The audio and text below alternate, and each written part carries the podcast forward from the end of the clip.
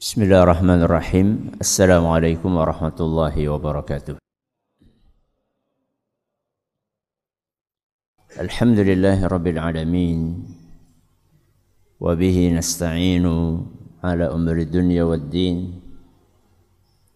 وصلى الله على نبينا وسيدنا محمد وعلى آله وصحبه أجمعين أما بعد para alim, para ulama, para sepuh, bin sepuh, para hadirin dan hadirat sekalian, serta para pendengar dan pemirsa yang mudah-mudahan senantiasa dirahmati oleh Allah Azza wa Jalla.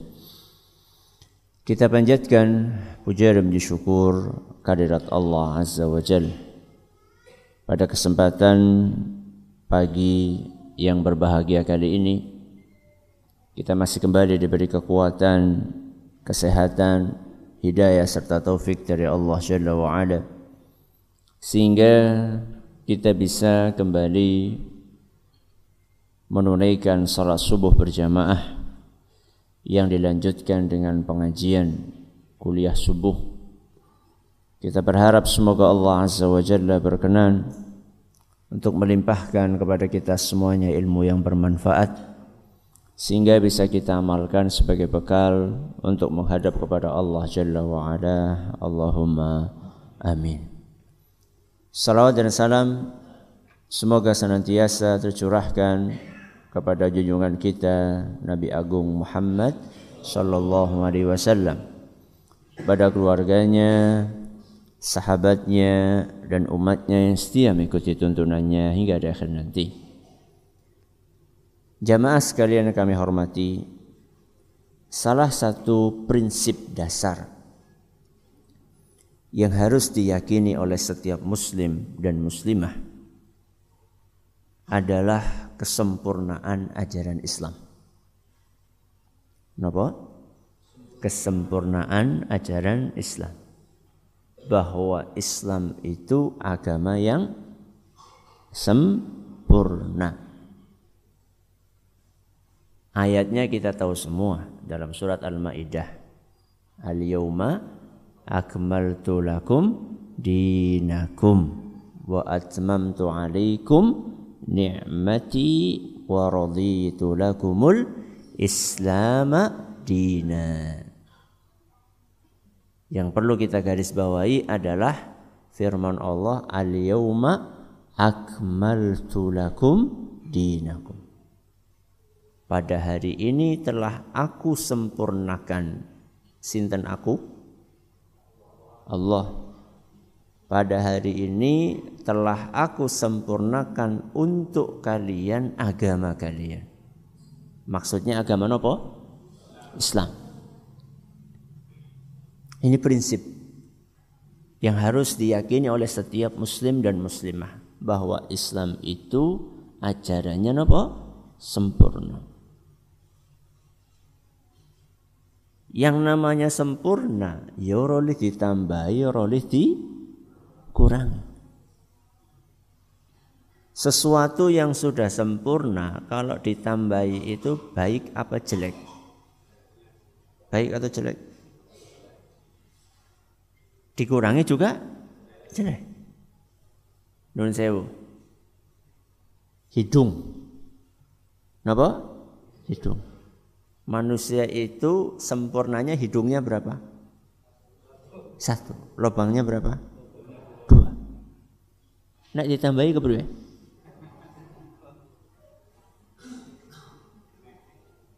Aneh toh?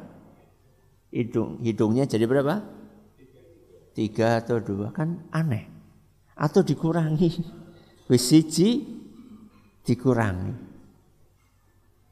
Itu konsekuensi dari kesempurnaan ajaran Islam.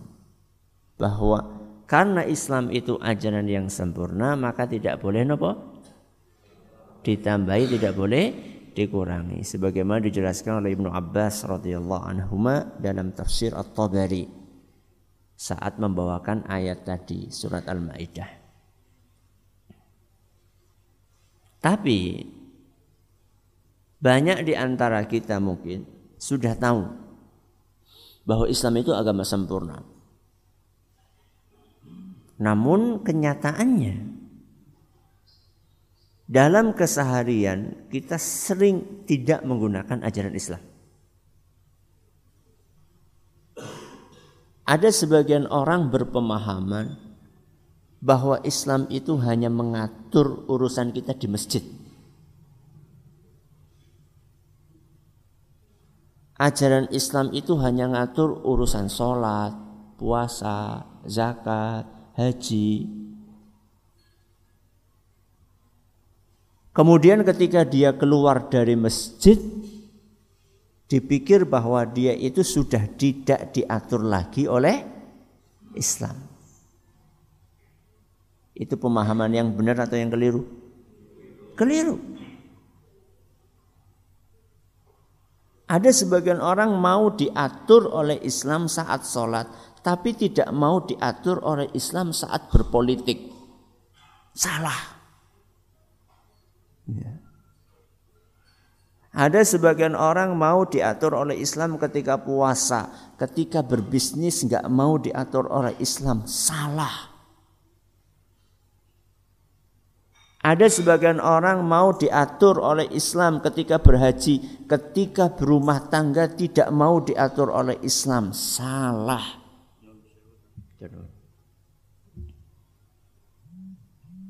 Islam itu ajarannya nopo? Sempurna. Yang namanya sempurna berarti ajarannya mencakup seluruh nopo? Aspek kehidupan. Seluruh aspek kehidupan kita diatur oleh Islam. Salatnya diatur. Napa malih? Puasane diatur napa malih zakate diatur zikire diatur napa mboten diatur aja zikir sekarepe dewek ya. ini bisa bahasa Jawa tuh katanya sudah perbatasan ya. zikir pun diatur Bukannya ibadah-ibadah yang sifatnya mahdoh yang diatur termasuk ketika kita bermuamalah itu kita juga diatur. Berpolitik ada aturannya dalam Islam, berbisnis ada aturannya dalam Islam, rambu-rambunya, mana yang halal, mana yang haram. Berumah tangga pun juga ada aturannya. Berumah tangga pun ada aturannya. Pagi hari ini kita hanya sekedar mengambil sampel, contoh saja. Bagaimana Islam mengatur satu sisi yang sering diabaikan oleh banyak orang. Aturan berumah tangga.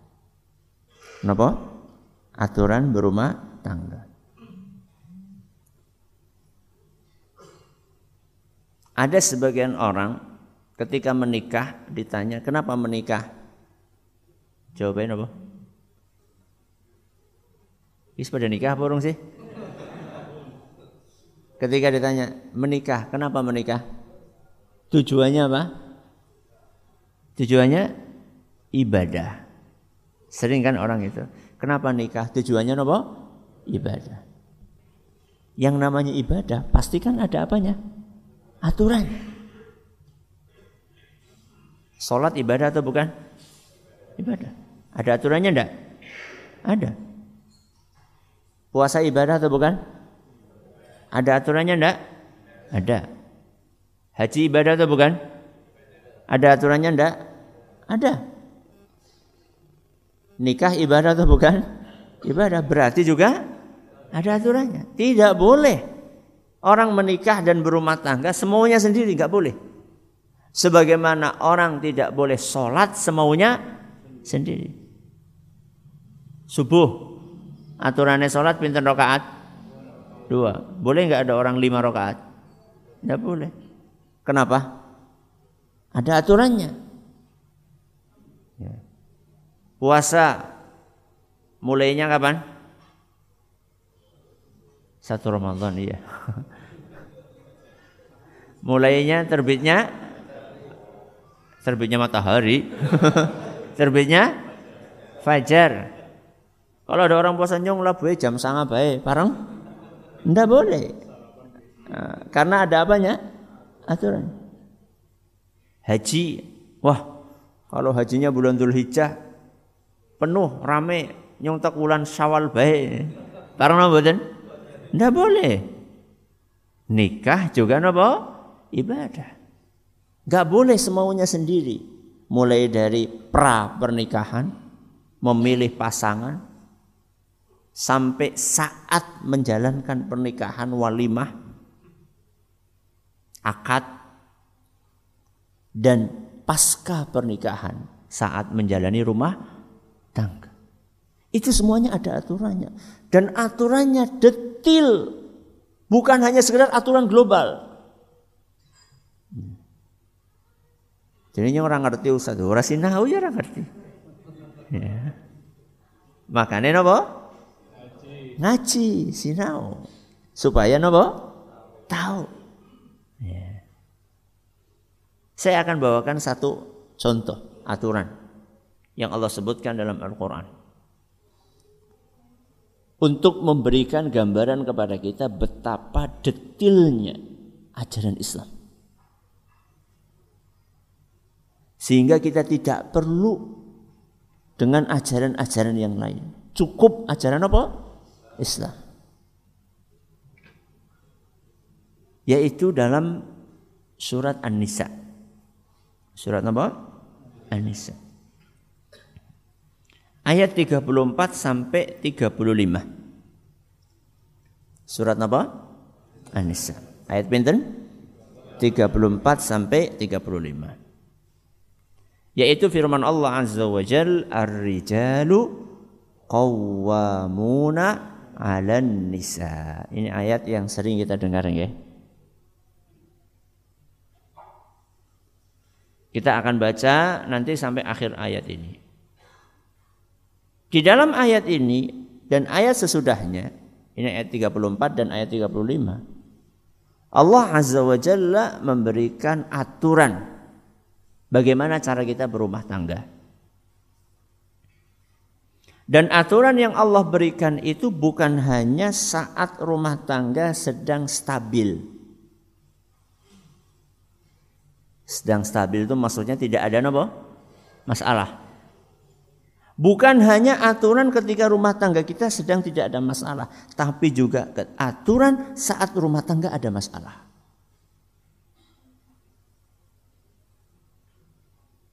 Bahkan ketika rumah tangga itu menghadapi masalah yang deadlock, macet, nggak bisa diselesaikan. Itu pun dikasih solusinya sama Allah. Mari kita dengarkan ayat tersebut. Aturan yang pertama, Allah Subhanahu wa taala memberikan batasan dan kewenangan masing-masing pasangan. Karena rumah tangga itu terdiri dari suami dan istri, bapak dan ibu. Allah Azza wa Jalla memberikan rambu-rambu masing-masing bapak dan ibu, suami dan istri tugasnya apa? Kewajibannya apa? Allah Azza wa Jalla mengawali dari tugasnya suami dulu. Allah berfirman, Ar-rijalu qawwamuna 'alan nisa. Apa artinya? Laki-laki adalah pemimpin buat kaum wanita. Berarti aturan yang pertama untuk para suami harus menjadi nopo pemimpin. Jadi pemimpin ya aja leda leda lede, um pemimpin leda lede. Ya. Jadi rumah tangga itu harus ada pemimpinnya. Kayak kendaraan harus ada nopo nih? Supire.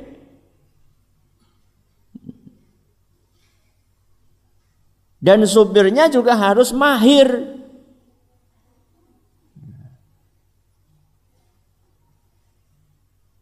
Apa jenengan mau naik bus sopirnya ngosit nyontek sinau di carane mau jenengan? Tidak mau. Atau naik pesawat, tahu-tahu pilotnya lagi megang buku apa? Panduan menerbangkan pesawat. Mau jenengan? Tapi kenyataannya tidak sedikit orang yang menikah dengan laki-laki yang urung dua ilmune babar belas untuk menjadi kepala rumah tangga. Ya no mboten? Temriki wonten. Asal kenal, asal seneng, langsung nopo? Nikah. Loh, Anda itu harus belajar dulu. Belajar menjadi suami, tugas-tugasnya apa, kewajiban-kewajibannya apa. Belajar menjadi bapak, apa tugasnya, apa kewajibannya. Makanya di dalam agama kita sebelum menikah, pra pernikahan itu ada namanya pemilihan calon apa? Pasangan. Supaya bisa menemukan kepala rumah tangga yang ideal. Dan kriterianya pun oleh agama kita dijelaskan secara detail. Laki-laki yang layak dijadikan suami seperti apa, perempuan yang layak dijadikan istri seperti apa, detail sekali dalam agama kita.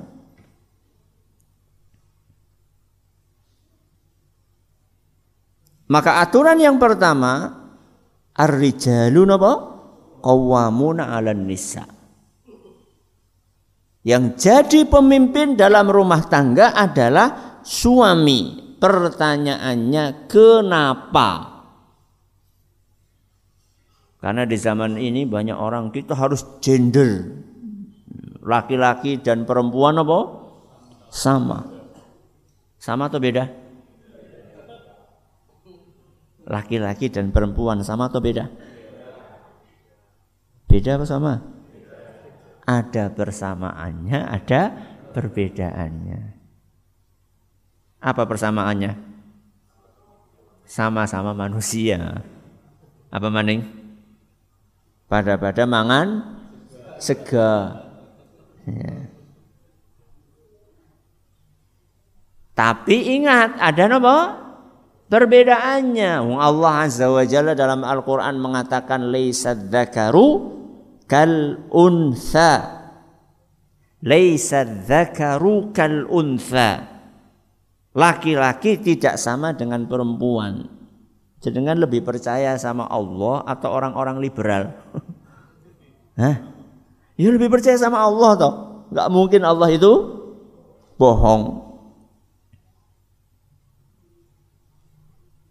Ada orang bertanya, loh kenapa? Kok pemimpinnya laki-laki bukan perempuan? Lanjutan ayat ini Allah menjelaskan alasannya apa. Allah Azza wa Jalla setelah menyampaikan ar-rijalu qawwamuna 'alan nisa, Allah berfirman bima faddalallahu ba'dahum 'ala ba'di wa bima anfaqu min amwalihim.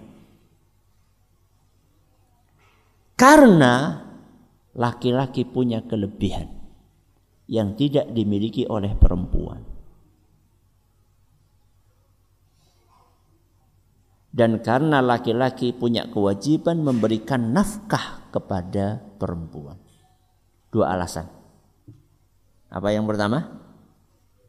Karena laki-laki punya kelebihan yang tidak dimiliki oleh perempuan. Yang kedua, karena laki-laki punya kewajiban untuk memberikan nafkah. Alasan yang pertama laki-laki jadi pemimpin karena laki-laki punya kelebihan. Siapa yang menyampaikan itu? Allah.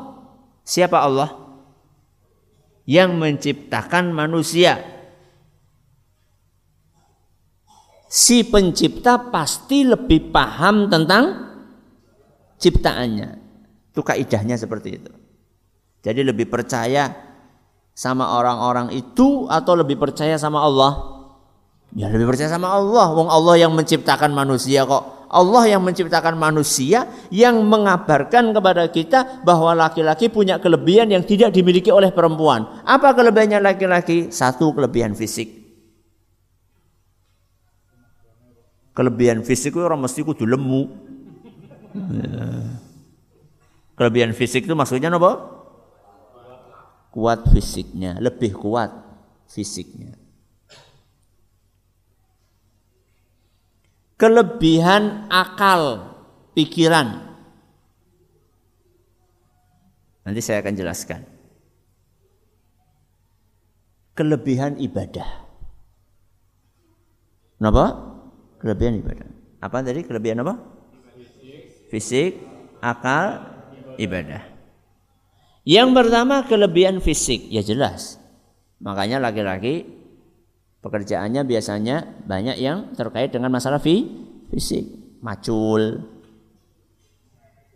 Menek wit kelapa, masa ibu-ibu kon menek wit kelapa orang memper teman bok. Walaupun mungkin ada yang bisa tapi kan buatan apa? Buatan patut. Ya.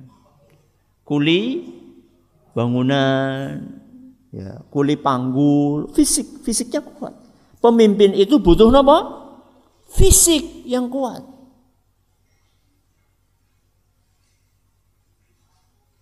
Yang kedua apa? Kelebihan akal. Sebelum pindah kelebihan akal.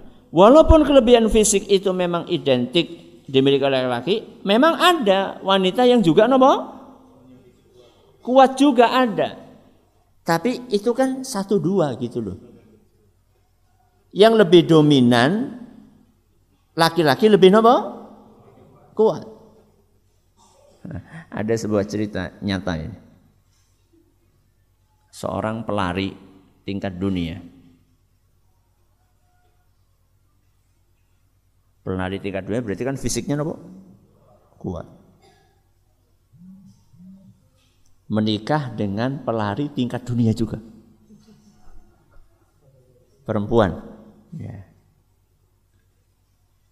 Ternyata apa yang terjadi? Enggak lama kemudian cerai.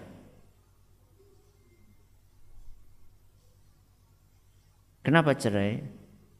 Kata pelari yang laki-laki itu, saya nikah dengan laki-laki. pada pada apa? Pada kuat eh. Yang saya butuhkan bukan laki-laki, yang saya butuhkan apa? Perempuan.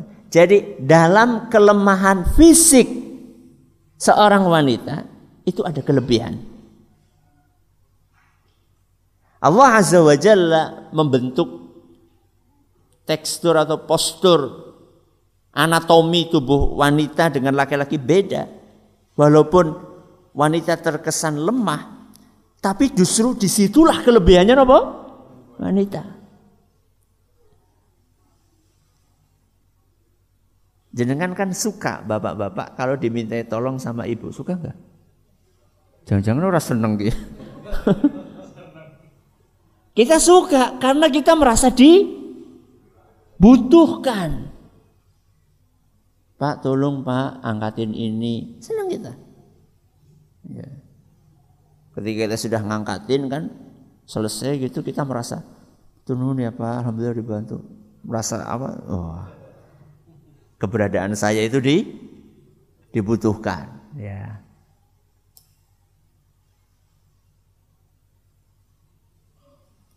Ini yang pertama kelebihan apa Pak? Fisik. Yang kedua kelebihan akal. Laki-laki itu menghadapi masalah dia akan pertama kali lebih mengedepankan logika daripada perasaan. Apa? Mengedepankan apa? Logika dibandingkan perasaan. Yang namanya masalah itu kan perlu dicarikan solusi. Ketika ada masalah, biasanya laki-laki langsung berpikir ini untuk menyelesaikannya bagaimana. Kalau perempuan begitu ada masalah dia mengedepankan apa? Perasaan. Mulanya ada masalah perempuan apa? Nangis. Nangis itu ungkapan dari perasaan. Kalau laki-laki ada masalah, dia kepriwe carane untuk menyelesaikan. Saya kasih contoh satu saja. Kompor jeblok. Bismillah. Kenapa? Kompor jeblok.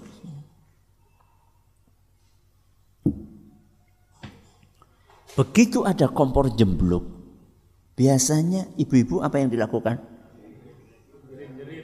Jerit-jerit. Ki kepriwe, priwe. Aduh gedenya tambah gede, gitu kan ya? Kalau laki-laki apa? Golet anduk. Cemplungakan apa? Banyu. Di ditutupkan ke mana? Kompornya. Itu laki-laki.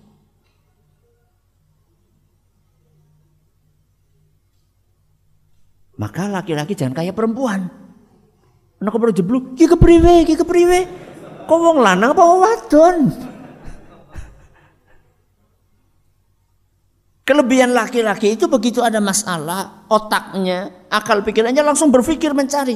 Dan itu diperlukan oleh seorang pemimpin. Tidak larut dalam apa? perasaan dan emosional.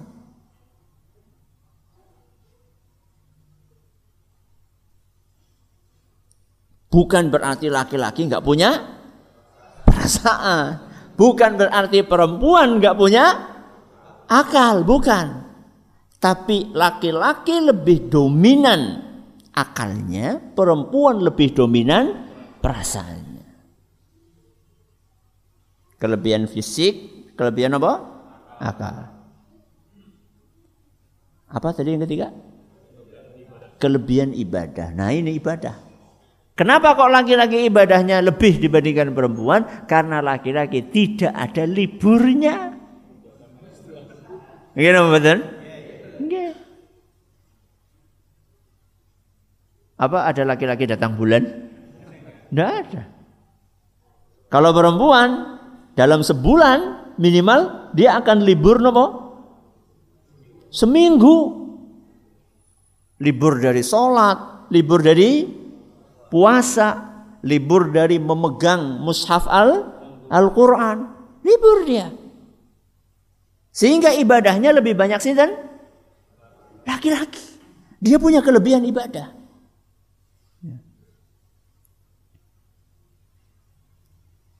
mulane sing boten sholat, sing boten puasa itu perlu dipertanyakan kelaki-lakiannya.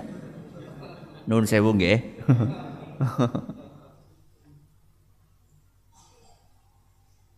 Oh, Ramadan Ramadan madang nang pinggir gili.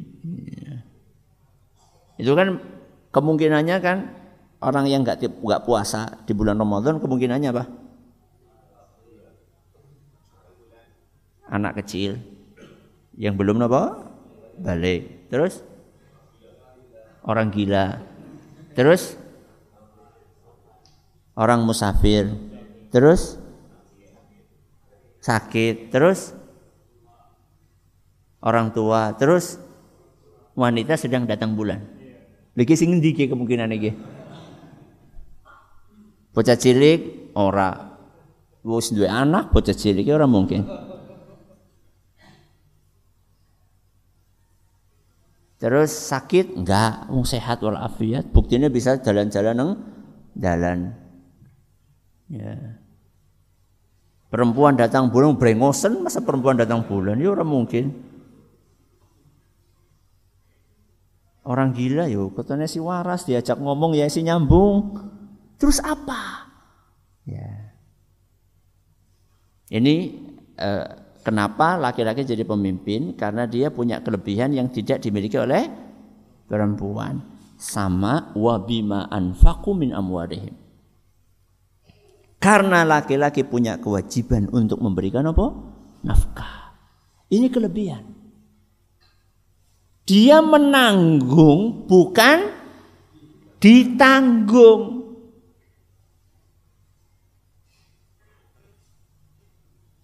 Ini salah satu sebab kenapa laki-laki jadi pemimpin. Karena dia yang bertanggung jawab untuk memberikan nafkah kepada anak dan istrinya. Sehingga ketika kewajiban ini tidak ditunaikan, rumah tangga akan bermasalah.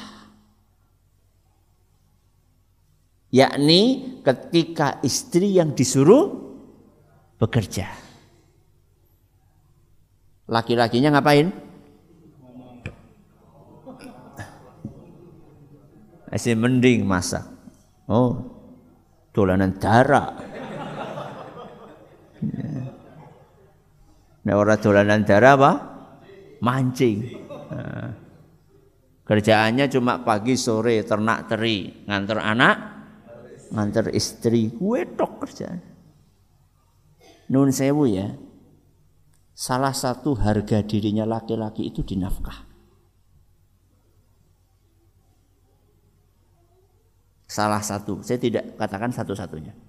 Salah satu harga diri laki-laki adalah ketika dia bisa memberikan nafkah. Karena posisinya di atas, bukan di bawah. Bukankah aliyadul uliya khairum min aliyadis sufla? Tangan di atas lebih baik daripada tangan di bawah. Bukankah demikian? Ini sampai jam berapa? Jam bolu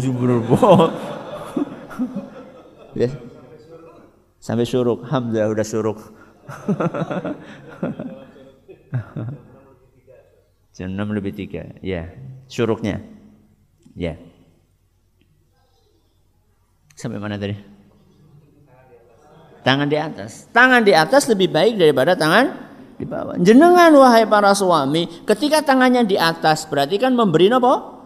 Nafkah. Itu lebih mulia, lebih terhormat dibandingkan ketika jenengan tangannya di bawah. Masa yang kerja perempuan? Yang kerja laki-laki, yang mencari nafkah laki laki-laki. Supaya Anda Wahai para suami punya harga diri, punya kehormatan. Jangan sampai nanti kemudian tahu-tahu istri pengen menceraikan jenengan. Kan lucu. Pak ngotak pegat loh. Wah cerai kok perempuan yang menceraikan. Cerai itu kan haknya siapa? Laki-laki kok bisa-bisanya perempuan yang menceraikan. Karena apa itu? Karena yang punya wewenang, yang punya penghasilan siapa? Istrinya. Sehingga dia merasa superior, merasa bisa mengatur karena duit di tangan dia. Hati-hati. Ini kewajibannya suami. Jadi pemimpin juga harus memberikan apa? Nafkah. Ya, mungkin ada kondisi-kondisi tertentu ya ketika seorang laki-laki sakit parah. Ya stroke. Nggak bisa nopo? Usaha. Itu kan itu emergency itu. Itu kondisi spesial kondisi tertentu. Ya. Kita bukan sedang membahas kondisi-kondisi kasus satu dua tiga bukan. Kita sedang membahas kaidah secara nopo? Umum.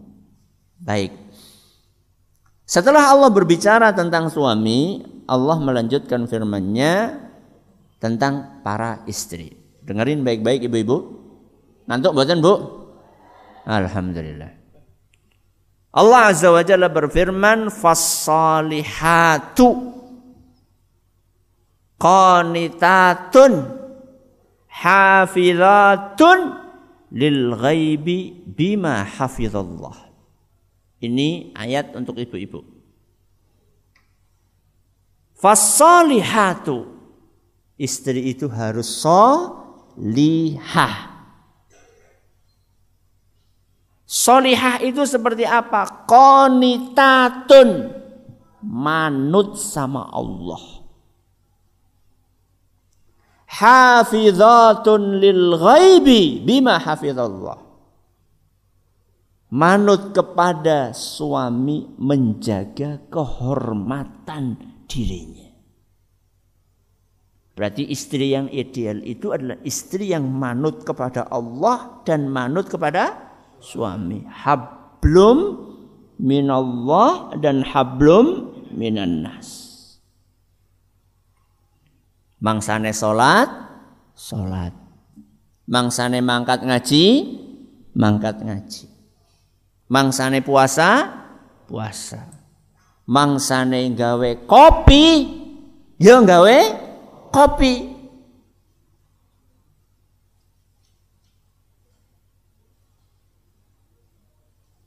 Saya pernah didatangi oleh seorang laki-laki, seorang suami yang mengeluhkan kondisi istrinya. Dia cerita Ustadz suami saya, eh istri saya Ustadz, kalau masalah ibadah, masya Allah, masalah pengajian, masya Allah, di mana ada pengajian dia datangi. Untuk masalah ini Ustadz, saya respect sama istri saya. Tapi Ustaz, kadang-kadang wong saya lagi sakit. Saya lagi apa? Sakit.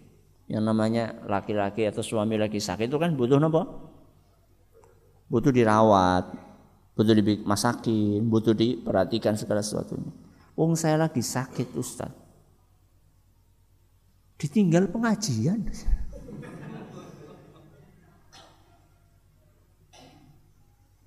Ditinggal apa? Mengaji. Ketika ditanya kenapa? Pengen dapat pahala. Aduh-aduh ngolet pahala. Wonong rumah be? Mana pahala Akhirnya apa? Sudah sakit ngumbai. Ibu cuki lanang ki. Wis lara ngumbai, masak. Ya. Gawe kopi. Resik-resik umah. Bayangkan. pemahaman yang tidak lurus, pemahaman yang tidak benar tentang kewajiban seorang istri. Bukan berarti nggak boleh ngaji, tapi ingat Anda itu punya tugas po pokok. Apa kata Nabi SAW? Ida salatil mar'atu kham, uh, ida salatil mar'atu khamsaha wa samat syahraha wa hafizat farjaha wa ata'at ba'daha Ketika wanita itu sholat lima waktunya bagus. Puasa wajibnya bagus. Menjaga kehormatannya. Kemudian mentaati suaminya. Lihat kriteria ini. Sholat, puasa, menjaga kehormatan, mentaati suami.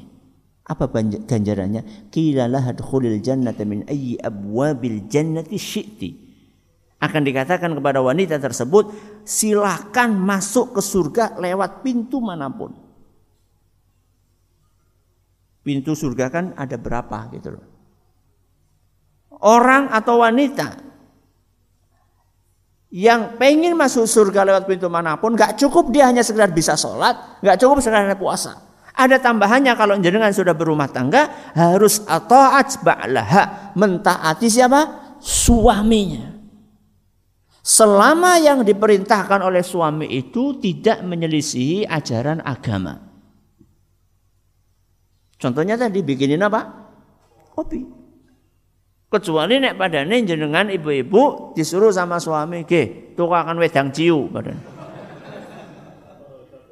Rosa tuh akan. Kenapa? Karena yang diperintahkan menyelisihi ajaran agama. Ya.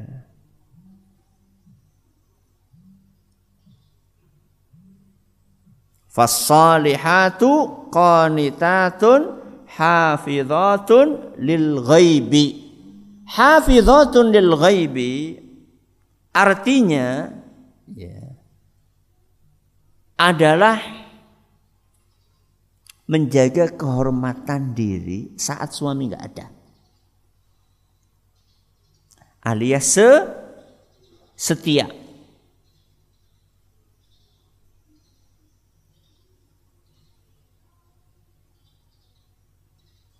Jangan sampai suami keluar kota hatinya was-was. Hatinya deg-degan. Aku lu dan malas lu. Nak tertinggal bojoku mbok pelirak pelirik. Dan jenengan perirak-perik apa ora? Nah, kuwi pada bae, Mbok. Ya. Jadi yang namanya rumah tangga itu perlu ada saling percaya. Dan orang tidak akan mungkin percaya kalau kita tidak bisa dipercaya. Ya, sama-sama. Suami juga tidak boleh pelirak, pelirik, sebagaimana istri juga tidak boleh pelirak, pelirik. Pelirak pelirik maksudnya jelalatan maksudnya, bukan pelirak pelirik delengi apa di kangkung sing di pet bukan. Ya. Bukan, pelirak pelirik maksudnya adalah menjaga kehormatan dirinya. Sudah, ini adalah aturan ketika kondisi ideal. Sekarang kita pindah. Kalau lagi ada masalah. Pernah ada masalah jenengan di rumah tangga? Pernah? Apa sering?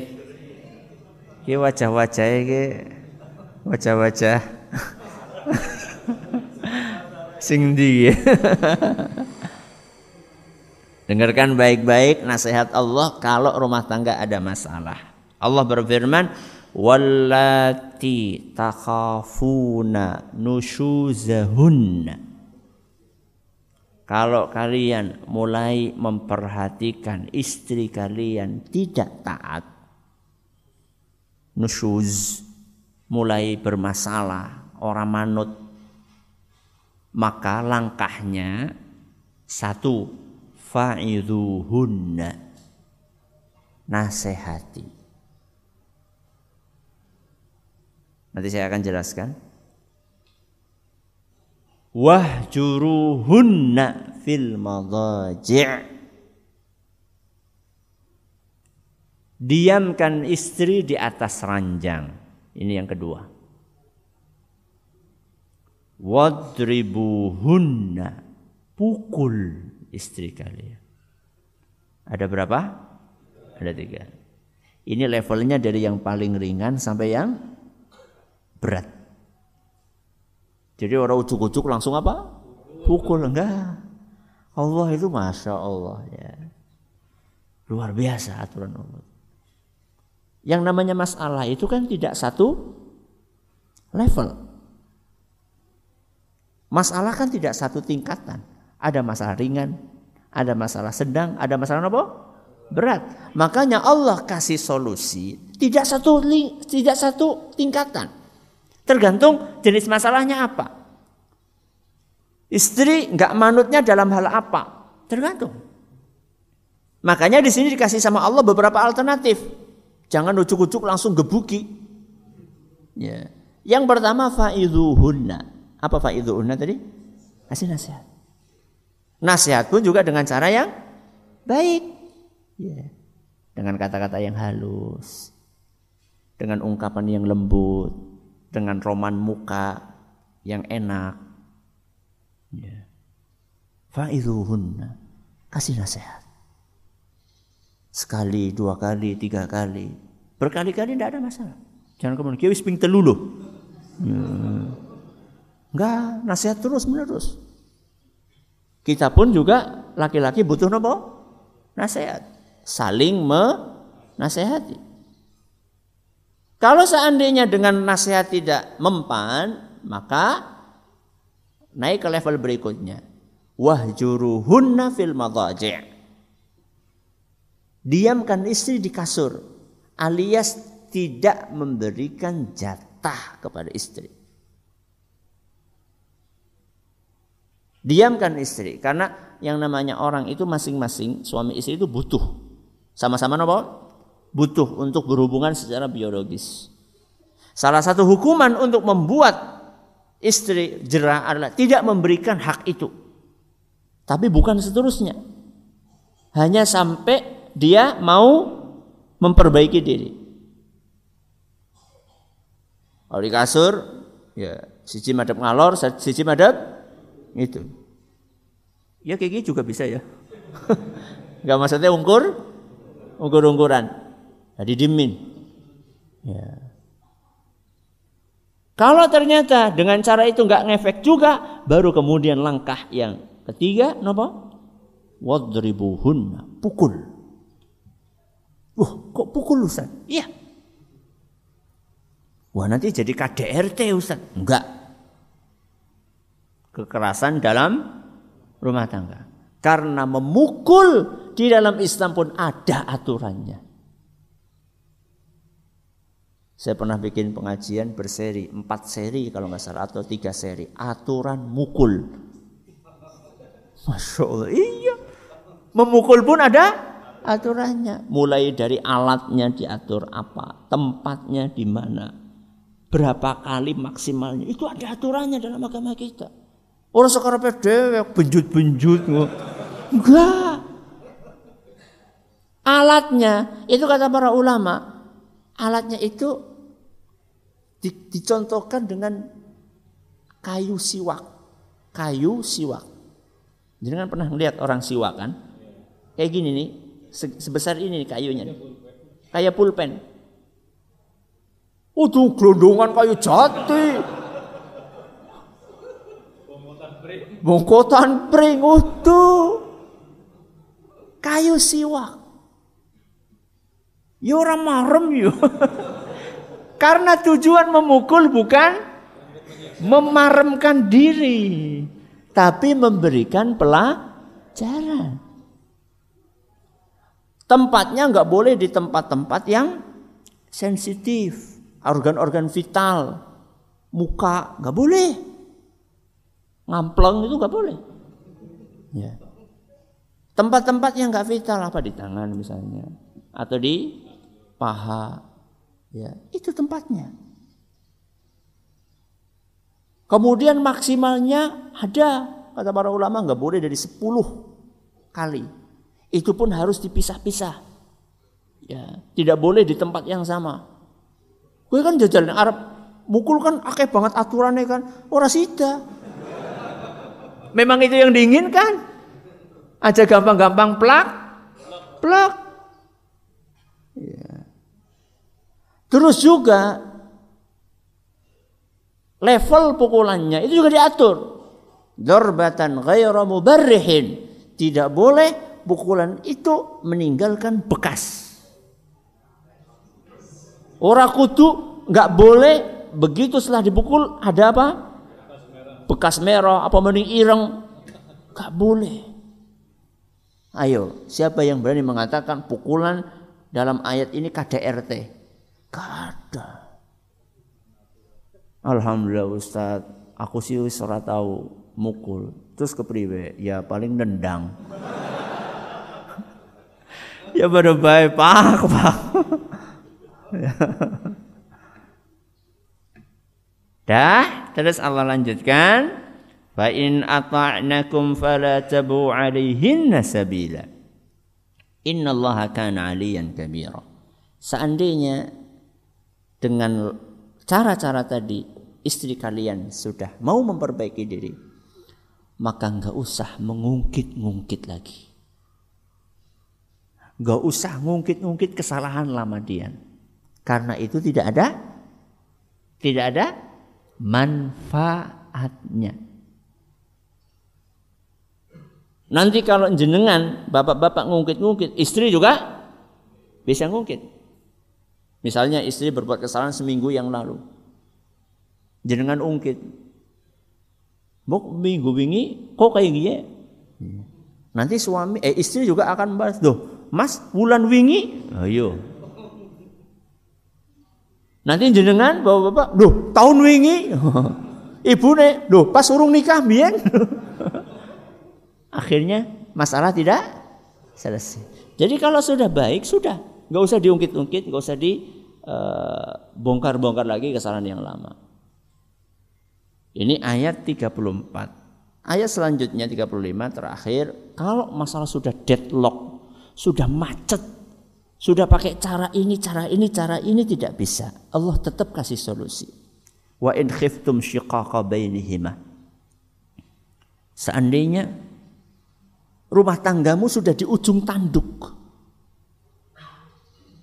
sudah mendekati per perceraian. Sebelum itu kata Allah Azza wa Jalla fab'athu hakaman min ahlihi wa hakaman min ahliha.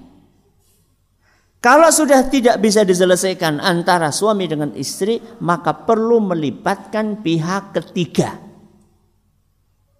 Dan pihak ketiga itu supaya adil dari keluarga istri ada, dari keluarga suami ada. Hakamam min ahlihi wa hakamam min ahliha. Utusan juru runding dari pihak suami dan juru runding dari pihak istri.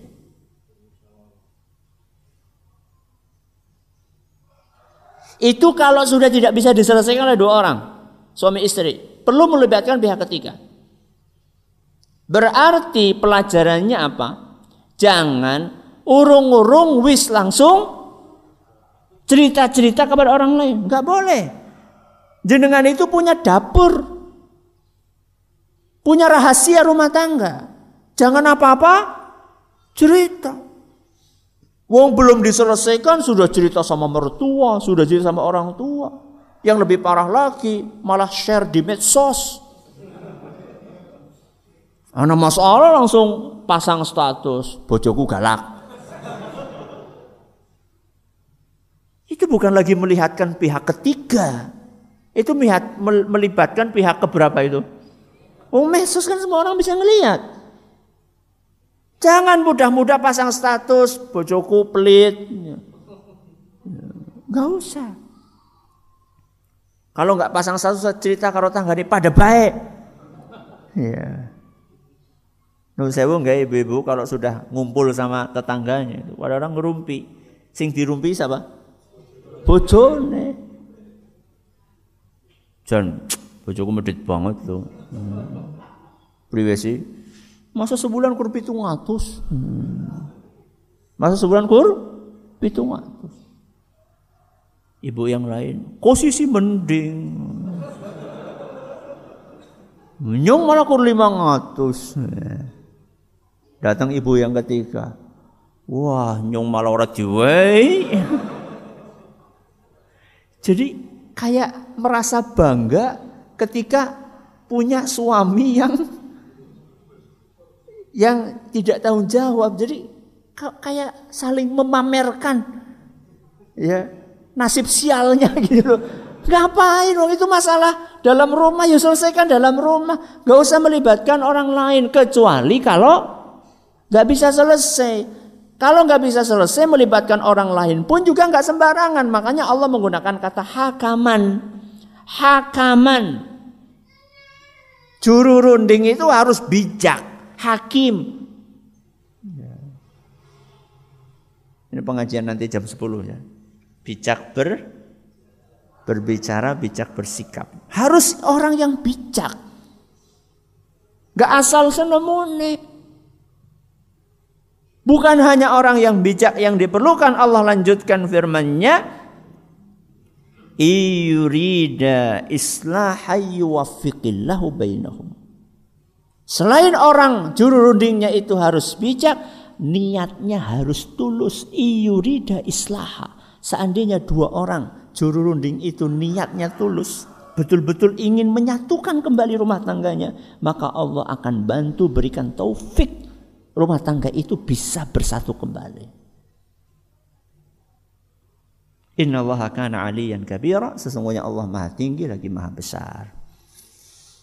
Jadi dari dua ayat ini kita bisa memahami, punya gambaran bahwa Islam itu memang ajaran yang sangat apa? Sempurna. Tinggal kita mau nggak untuk apa? Menggali dan mempelajari. Maka setelah ini ngajine sing tambah apa? Rajin. Sing tambah mempeng Jangan puas Islam cuma tertulis di KTP. Jangan puas hanya di situ saja. Tapi pelajari Islam itu seperti apa? Pelajari ajaran Islam seperti apa? Islam itu luas, sempurna sekali. Ajaran Islam dalam rumah tangga, ajaran Islam dalam berpolitik, ajaran Islam dalam berbisnis, ajaran Islam dalam berzikir, dalam sholat, dalam puasa, dalam haji, semuanya pelajari.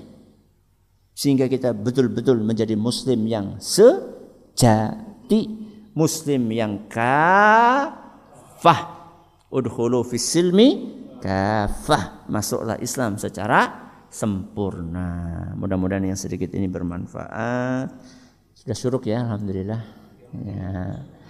Terima kasih atas perhatiannya mohon atas segala kekurangannya. Tanya jawabnya gimana Ustaz? Nanti aja. Tanya jawabnya nanti siang aja. Ya di pengajian yang satunya silahkan tanya jawab di sana. Karena saya butuh siap-siap ya untuk menyiapkan materi pengajian. Ustadz Bekutu? Sinau. Ya. Ngisi pengajian orang gak asal asal ngomong enggak harus disiapkan materi. Wallahu taala ala alam. Eh, kata sangat kelenta pun atur kula nyuwun kungi pangapunten. Kita tutup dengan membaca subhanakallahumma bihamdika asyhadu an la ilaha illa anta astaghfiruka wa atubu ilaik. Assalamualaikum warahmatullahi wabarakatuh.